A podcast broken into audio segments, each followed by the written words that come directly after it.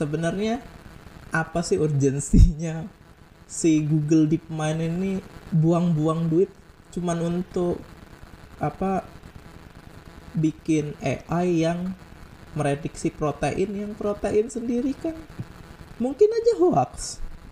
Tapi AlphaFold dulu begitu kristalografi sama strukturnya. Wow. Similar.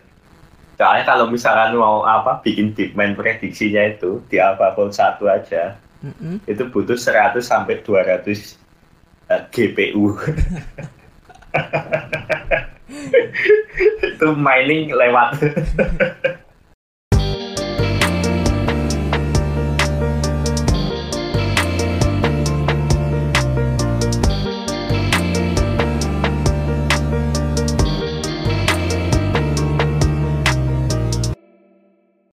Selamat datang di Jasa Training Podcast. Podcast yang is- isinya ngobrolin apa? jasa training. Apa itu jasa training? Iya. Malah kita bahas jasa training. Kita ngobrolin topik-topik di bidang bioscience. Oke. Bioteknologi dan sains. Untuk episode perdana kita akan ngomongin tentang sebuah teknologi AI. Yes. Iya. Ini Nah, kita ini apa? Pertama kali jasa training kan ini. Iya, ini rilisnya. pertama kali Jatsa Training Eh, alpha ini, alpha. Alpha. Ya, ini bersama saya Punta dan rekan saya Miftah. Miftah yuk. Nah, ya ba- baru-baru ini kan sebuah perusahaan teknologi Google DeepMind. Itu perusahaan DeepMind yang diakuisisi oleh Google Ya. me- merilis ya, merilis sebuah AI, sistem AI yang bernama AlphaFold 2. Wih. Nah, AI ini fungsinya itu seperti AI pada umumnya, Ya itulah itu. tapi eh, AlphaFold 2 ini dikhususkan untuk bisa memprediksi struktur 3D dari suatu protein. Jadi lebih Iya. ke arah pengembangan bioinformatik gitu. Nah, kabarnya Iya. si AlphaFold ini bahkan bisa memprediksi sangat akurat untuk semua protein, struktur 3D-nya untuk semua protein yang telah diketahui manusia. Bahkan yang belum belum di kristalografi, maksudnya belum Bahkan yang ada belum di. Nah, itu. diskusi nah ngomongin tentang ini sebenarnya apa sih urgensinya si Google DeepMind ini buang-buang duit cuman untuk apa bikin AI yang merediksi protein yang protein sendiri kan. Mungkin aja hoax. Atau konspirasi global. Wah ini kan sebenarnya awalnya ya. ini kan kompetisi kan cuy. Inisialnya. Kompetisi. Ada kom ya ya kompetisi produksi protein itu yang namanya CASP itu loh. Hmm. Critical Assessment of Protein Structure Prediction itu di AlphaFold 1 kan dia juara satu kan itu Iya. Si, si DeepMind-nya ini sebelum diakuisisi. ya si DeepMind-nya sebelum diakuisisi Nah, itu itu itu itu soalnya leap-nya eh apa lompatannya sangat besar sekali di AlphaFold 1 aja gila-gilaan kan itu hmm. jadi Kalau kalau dari Kalau Gimana? untuk untuk sebenarnya kalau fungsi itu kan karena itu latar belakangnya tadi kan. Sebenarnya fungsinya Iya. bangetnya sendiri tuh ngapain sih kita harus tahu struktur 3D protein itu? oh paling paling paling dekat nih Hmm, aplikasi langsung ke aplikasi ya berarti iya.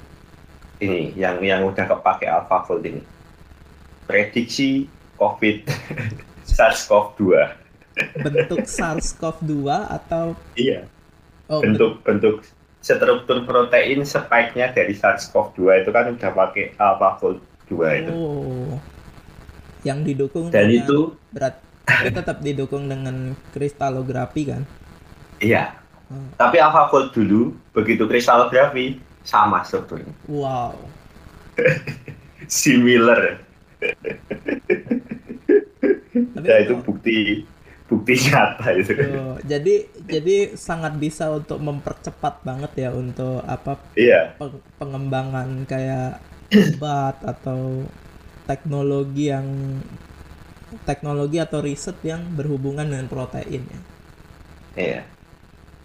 Eh, SARS-CoV-2 spike protein ini sama si Oh, siapa bahkan kalau spike protein berarti kemarin itu kemungkinan besar itu sudah dipakai dalam teknologi pembuatan vaksin dong.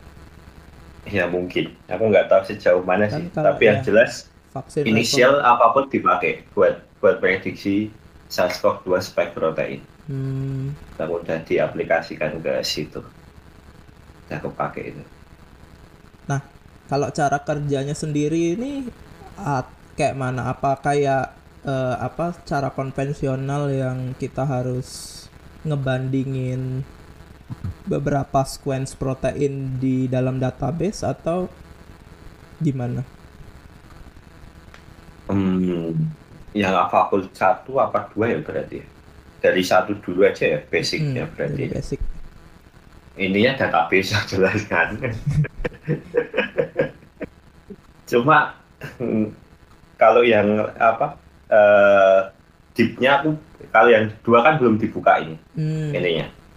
Apa? Source code atau macam-macamnya itu belum dibuka cuma kita udah bisa pakai gitu aja. Hmm, kalau yang yang pertama itu udah udah dibuka udah bisa diakses bisa di trial ininya uh, mekanismenya interaksinya itu udah dibuka di GitHub itu ada kalau mau nyoba gitu kan AlphaFold satu.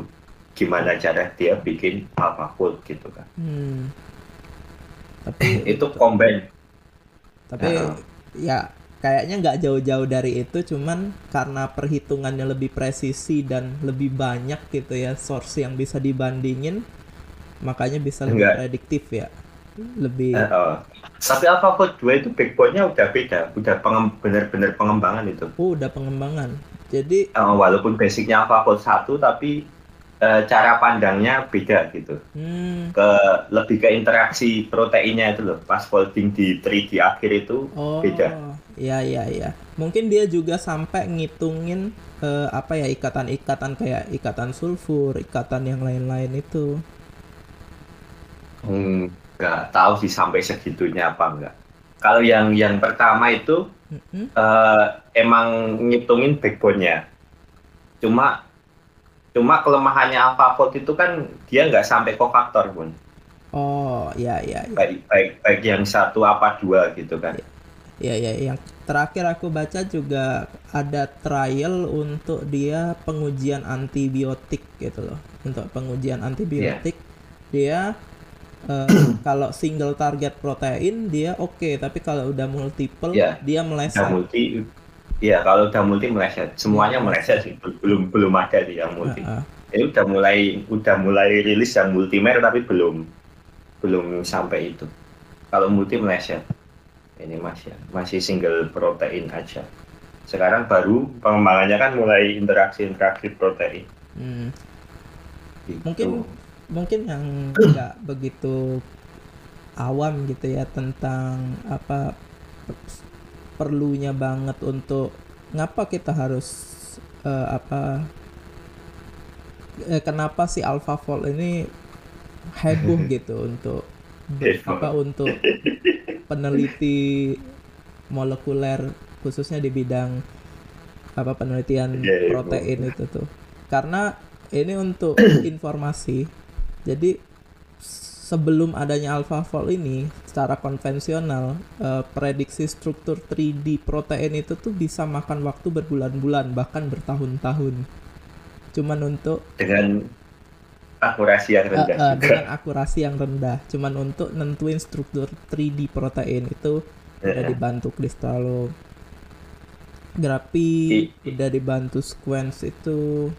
Nah cuman dengan adanya terobosan dari software AI AlphaFold ini tuh benar-benar dibantu banget.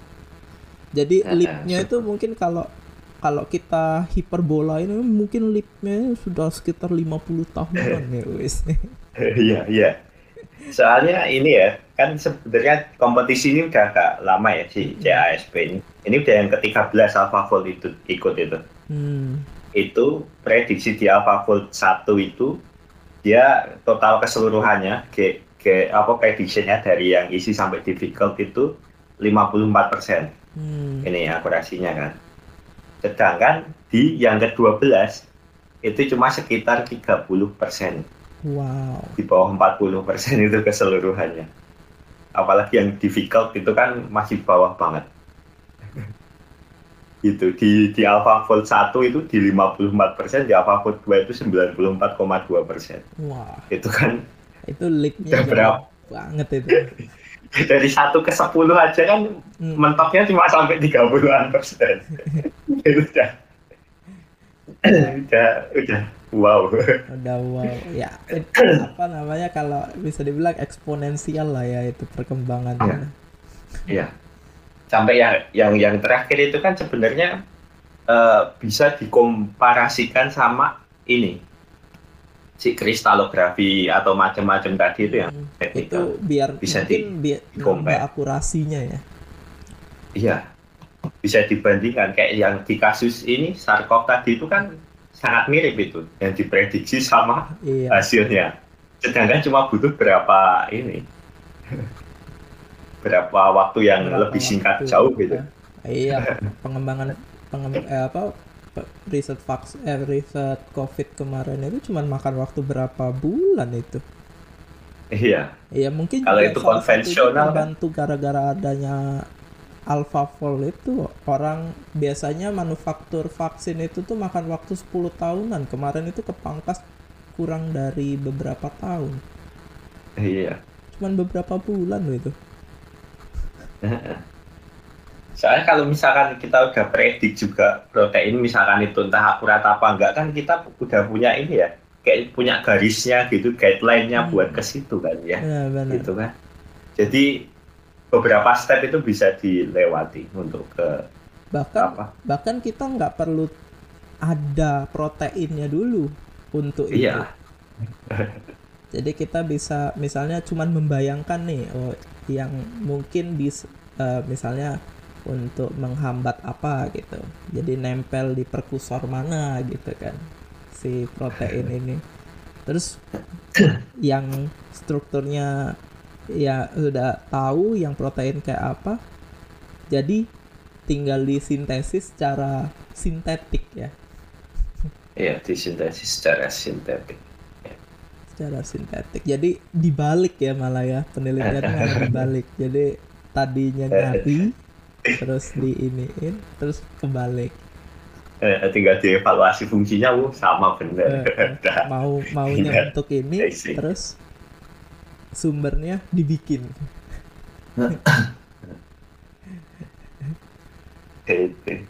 Ya cuma itu tadi ada beberapa limitasi alpha AlphaFold masih walaupun sangat powerful sekali hari ini.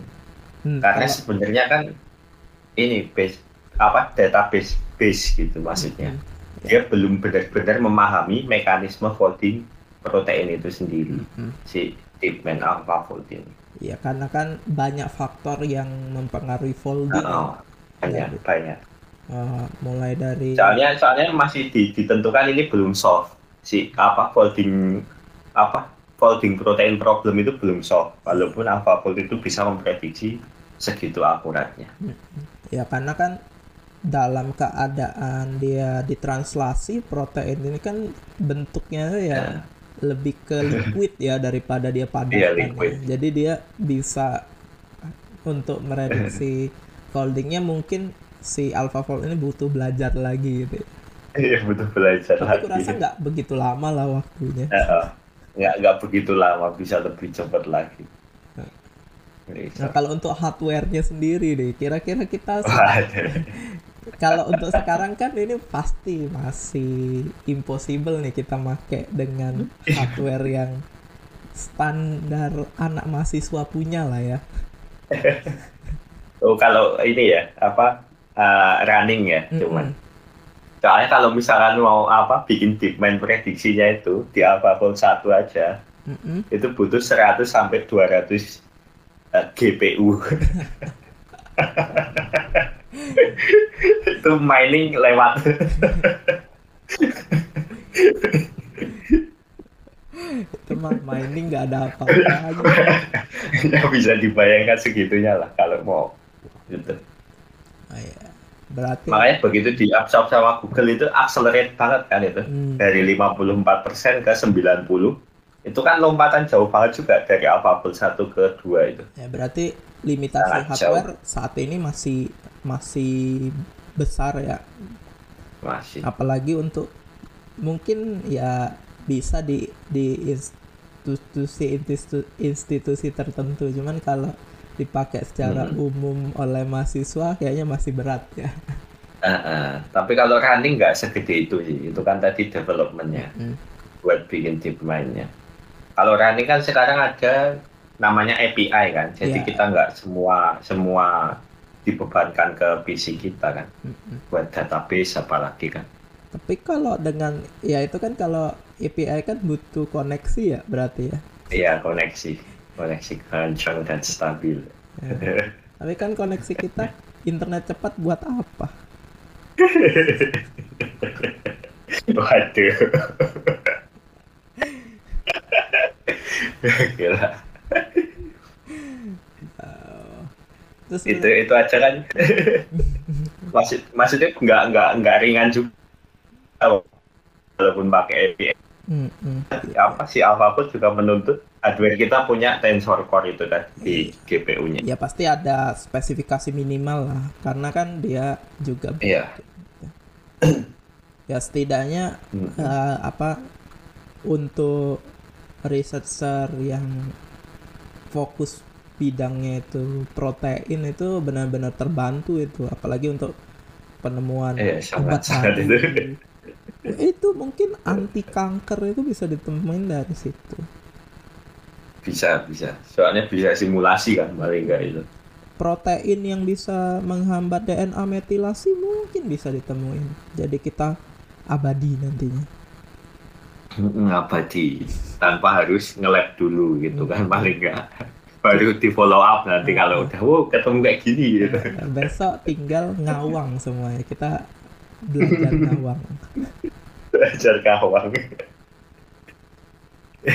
justru malah Ya, kita butuh basicnya banget kan. Untuk ngeblok ini nih butuh protein kayak apa nih? Kita desain proteinnya tinggal ini tinggal dibalik kan. Iya. Malah malah eh, kembali ke itu. Ya kalau menurutku bagus juga sih per- perkembangan kayak gitu. Soalnya apa ya? Secara basic kan ya itu tadi. Kayak pengetahuan kita kan sebenarnya stuck di sekitar 90-an itu kemarin kita bahas kan Mm-mm. zamannya Einstein sama si ini Bohr Bohr Iya, habis itu kan nggak nggak nggak lompat-lompat jauh secara basical apa science gitu kan. Cuma hardware berkembang, apa-apa berkembang sekarang ya mungkin bisa balik ke situ lagi peng- pengembangannya. kali ya pengembangannya Bisa. basicnya ya Oh, oh. Jadi benar-benar beda gitu ke depan. Yes, ya itu tentang AlphaFold 2 sebuah AI yang cukup powerful mungkin ke depannya bahkan nanti nya bisa mungkin terobosan yang sangat penting untuk pengembangan di bidang bioscience gitu, biotek gitu. Eh. Ngembangin obat Dan- besok bahkan bisa ini apa ngetrial tan dengan tanpa ini tanpa korban nantinya. ya atau kalau benar-benar bisa prediksinya benar lama-lama akurat akurat akurat bisa tanpa korban nantinya. Iya, iya. Beneran tanpa korban itu. dan dan apa pun sampai saat ini pun nggak nggak berhenti ya, masih terus Iya, dikembangkan dan masih, masih terus dikembangin. Masih terus jalan predik protein ini. Kan kemarin beberapa waktu lalu berapa ratus ribu kan Hmm, baru kita bahas itu Iya. belum lama itu. Sekarang udah mendekati satu million 900 ribuan kita baru ngobrol berapa saat Iya, yang lalu itu. be- beda berapa minggu ya kita Iya, iya. Sudah mendekati satu million protein prediction. ya ya namanya AI kan dia berkembang terus karena dia belajar kan Iya. machine learning ya, ya. Dan dan yang menarik sih itu tadi itu yang multi mer AlphaFold-nya itu. Itu lebih edan lagi itu kalau berhasil. iya soalnya terakhir aku baca itu lima hari yang lalu kalau nggak salah itu diuji coba untuk multi protein target gitu diuji ke ber- dengan multi antibiotik gitu miss banyak missnya ah, Iya, iya. Belum bisa soalnya belum kenal kan. Mm-mm. karena Ya itu tadi kelemahannya AlphaFold kan belum solve folding protein problem. Memang Iya. pure database sama mungkin nanti ada aja. plugin pluginnya mungkin untuk ini ini untuk ini ini Iya bisa. ya mungkin itu itu dulu buat AlphaFold gitu ya Eh, semoga menjadi eh, apa namanya pengetahuan baru lah. Insight gitu kalau sama suka. oh ya sebuah menjadi sebuah insight yang menarik ya. Untuk menambah wawasan ya. Demikianlah Just Training Podcast kali ini. Saya Punta dan rekan saya. Miftah. sampai jumpa di Jasa. Training Podcast berikutnya. Bye bye